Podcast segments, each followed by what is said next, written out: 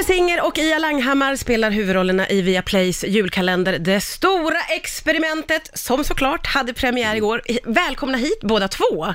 Så roligt att ni är här. Tack så jättemycket. Eh, Jätteroligt. hur skulle ni beskriva den här, det är ju alltså den tredje säsongen får man säga.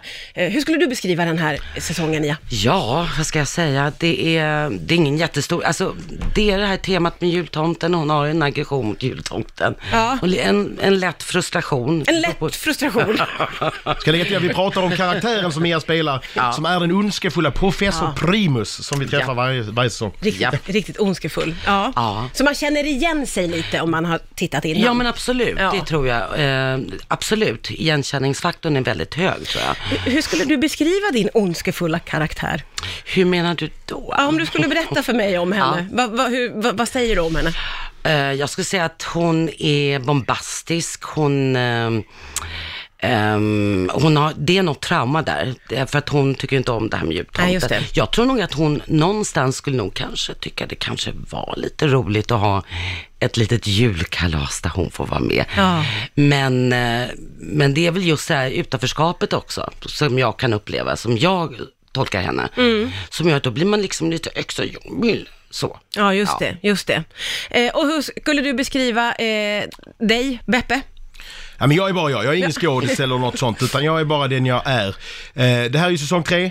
Eh, tanken är ju att vi ständigt ska ha våra återkommande figurer, karaktärer, bland annat ondskefulla professorn Primus med sin galna karaktär Sigma. Varje år har vi ett nytt tema och vi har lyxen att själva få lov att välja vad vi vill jobba kring i år. Så är temat miljön, världshaven, isarna som smälter och det känns ju absolut mer aktuellt än någonsin. Det var inte tanken från början att vi gjorde det här innan Greta Thunberg-effekten liksom.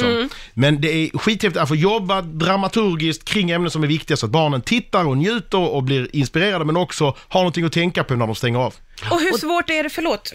Nej, jag vill bara säga just det som, eh, som du berättar det, det är också det att manuset, när man sätter igång med det här, jag har ju väldigt, väldigt roligt.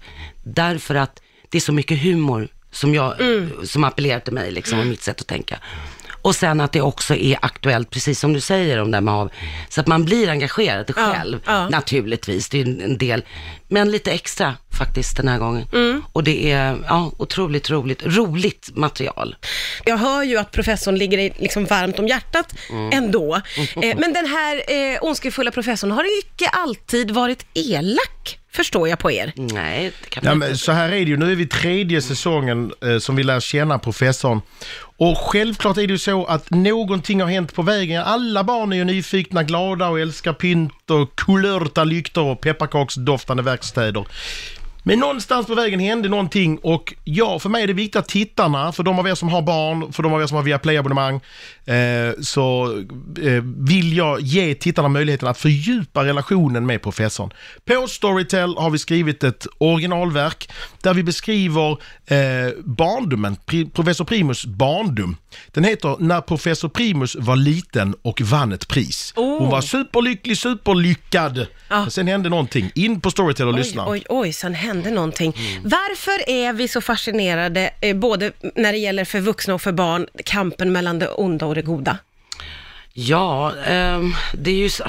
Om man ska säga så här, men familjen bra, alltså om det bara är positivt, det, det, är, det är ju dramaturgin. Man vill ha det ondskefulla, man vill ha det goda. Eh, annars blir det ganska tråkigt. Om det bara är välpolerat allting. Det, det händer ju inte så mycket. Samma sak om det bara är ont, då händer det ju inte så mycket, då är det bara ont. Ja, just det. Så du, får liksom, du blir ju inte triggad av att bara gå och se en skräckfilm som bara är video och alla dör. Ja, just det. Du, behöver ha lite dynamik i det Ja, där. det behöver dynamiken. Och jag tror att vi, och sen brukar jag säga så här, det ondskefulla ibland har lite med oss själva, vi bearbetar också vår egen ondska.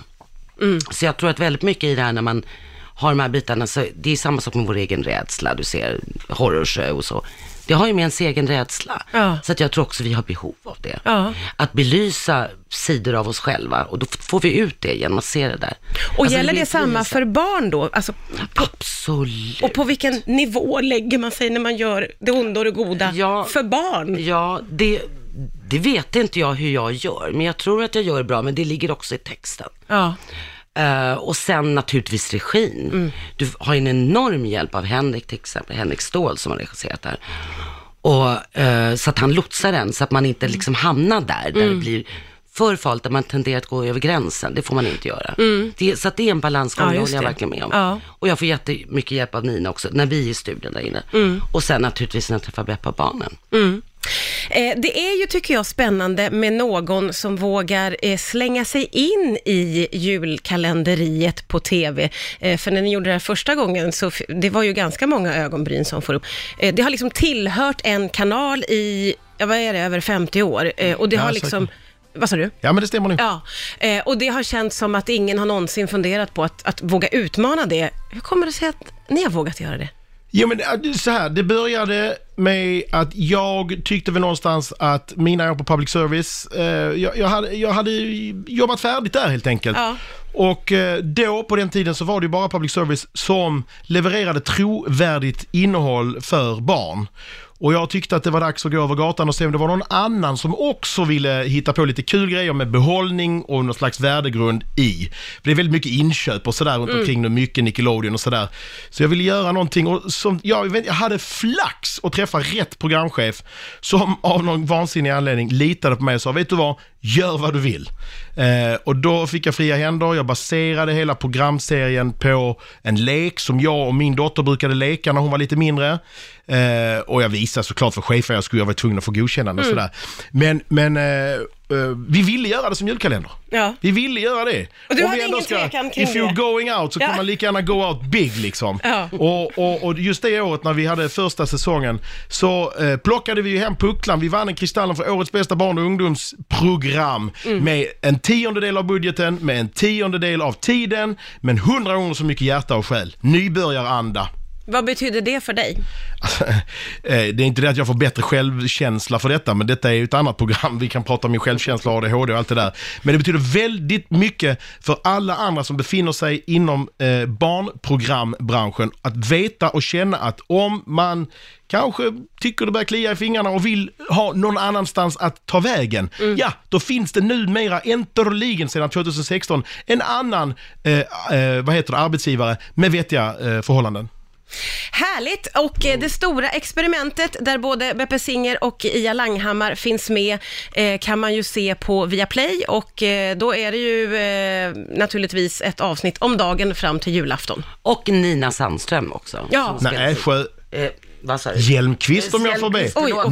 Nina Hjälmqvist. Denna legend. Den här Sandström vet jag nej, inte, det var någon det, annan. Det är din revisor, nu tänker du din revisor.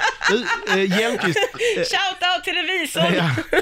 Nej men Hjälmqvist har ju är en gammal legend från Barnkanalen, jobbat där i många år i Bolibompa-studion. Och vi har lyxen att få lov att jobba med henne. Hon litar på oss och är med oss varje år. Man hör att ni älskar det ni gör. Tusen tack för att ni kom till Rix FM Tack idag. kära, tack. Tack.